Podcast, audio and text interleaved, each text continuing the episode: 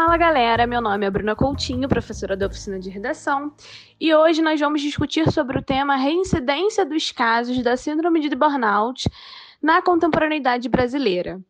Bom, a própria, a própria frase tema já sugere para gente aí é, a frequência, né, a grande escala com que esse tema atinge o país. Então, a gente já pode, como tese, pensar na admissão da ideia de que são muitos os casos de brasileiros e brasileiras afetados por essa síndrome. Primeiramente, é preciso que vocês entendam que síndrome é essa. E aí, uma ideia até mesmo de contextualização para esse tema é trabalhar com o conceito de burnout, que significa, é uma palavra da língua inglesa que significa esgotar-se, queimar até não aguentar mais. E é justamente essa definição da síndrome, né?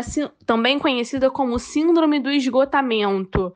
Ela afeta as pessoas, principalmente aquelas cuja função no trabalho seja muito intensa, gerando a estafa, o cansaço no seu limite.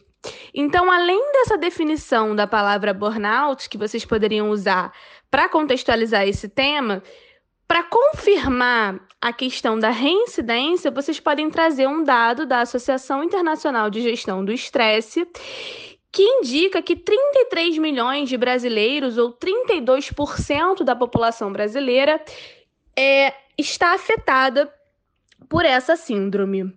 Ou até mesmo trazer a definição de saúde pela OMS, que diz que saúde é o bem-estar físico, psíquico e social. E vocês podem dizer que essa, que essa conceituação não está sendo verificada na prática da sociedade brasileira, visto que muitas pessoas dessa população estão com a sua saúde psíquica acometida, já que elas é, se encontram num caso de síndrome de burnout. E isso, muitas das vezes, acaba gerando também é, desgastes físicos, né?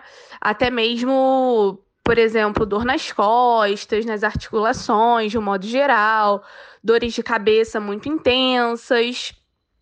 Então, agora que a gente já tem muitas ideias para trabalhar com essa síndrome, a gente pode pensar em quais são os argumentos que sustentam é, a tese de que são elevados os casos de síndrome de burnout na sociedade brasileira.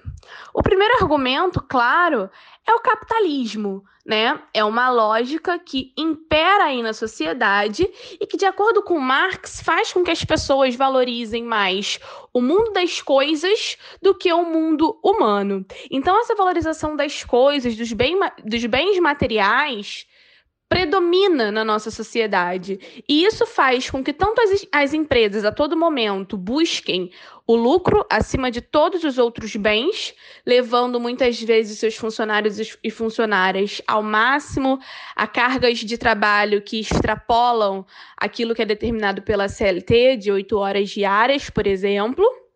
E até mesmo uma questão individual. Os próprios indivíduos sentem a necessidade de produzir mais para se sentirem melhores e, e claro, também para obterem mais dinheiro, mais capital e terem um acesso mais facilitado a esse mundo das coisas. Então, o capitalismo interfere tanto na ação das empresas quanto nas ambições individuais, de modo que as pessoas vão trabalhando de forma exaustiva até alcançar a estafa e entrar num quadro de síndrome de burnout. Lembrando, gente, que a síndrome de burnout não pode ser considerada, não é considerada ainda uma doença, ok? Porém, é uma situação, como eu disse, é um estado que afeta a pessoa, levando a um estresse, a um cansaço no seu limite. Um outro argumento possível para esse tema é o acúmulo de funções. Muitas pessoas na sociedade acumulam o trabalho com outros afazeres. E esse argumento atinge principalmente as mulheres. Uma pesquisa realizada pelo New York Times divulgou uma análise de, um, de 183 estudos sobre a diferença de gênero e a síndrome de burnout em 15 países. E essa pesquisa chegou à conclusão de que a síndrome atinge muito mais as mulheres do que os homens.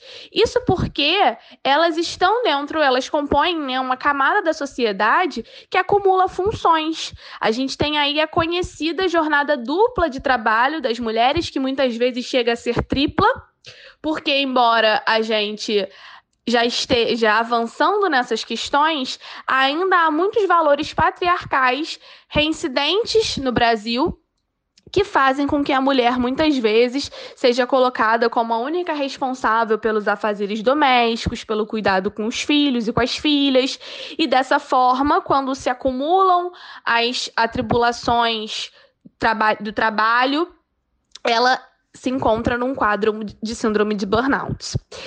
Para finalizar essa redação, a gente precisa pensar nos, nas propostas de intervenção social. Uma sugestão para a questão do capitalismo é que o governo, por exemplo, seja mais rígido em relação à fiscalização das leis trabalhistas, de modo que as empresas não possam extrapolar é, a carga diária dos seus funcionários e funcionárias. Ou então que o governo determine em lei que deve haver uma hora por dia de trabalho do funcionário, ou uma hora por semana, enfim, um, uma quantidade de horas de, específica em que esses funcionários possam receber um atendimento psicológico ou possam fazer uma atividade física, algo que vá, que vá permitir que eles se desliguem ali do trabalho por um instante para que depois retornem e assim não atinjam um cansaço, um esgotamento de forma tão frequente. Em relação ao acúmulo de funções, a gente precisa ainda continuar desconstruindo essa visão patriarcal de que a mulher é a única responsável por cuidados voltados ao lar, voltados aos filhos. Então, para isso, é preciso que haja mais conscientização por meio de ficções engajadas, que podem ser filmes, novelas séries, ou até mesmo por meio de propagandas que divulguem esses dados da síndrome de burnout, atingindo principalmente o público feminino, de modo a mostrar para a sociedade a importância de haver uma divisão mais igualitária nas tarefas e as mulheres então deixem de acumular tantas funções ainda em pleno século XXI. Ok, gente? Espero que tenham gostado dessa discussão e que agora estejam mais tranquilos e seguros para fazer uma ótima redação. Um beijo e até o próximo podcast.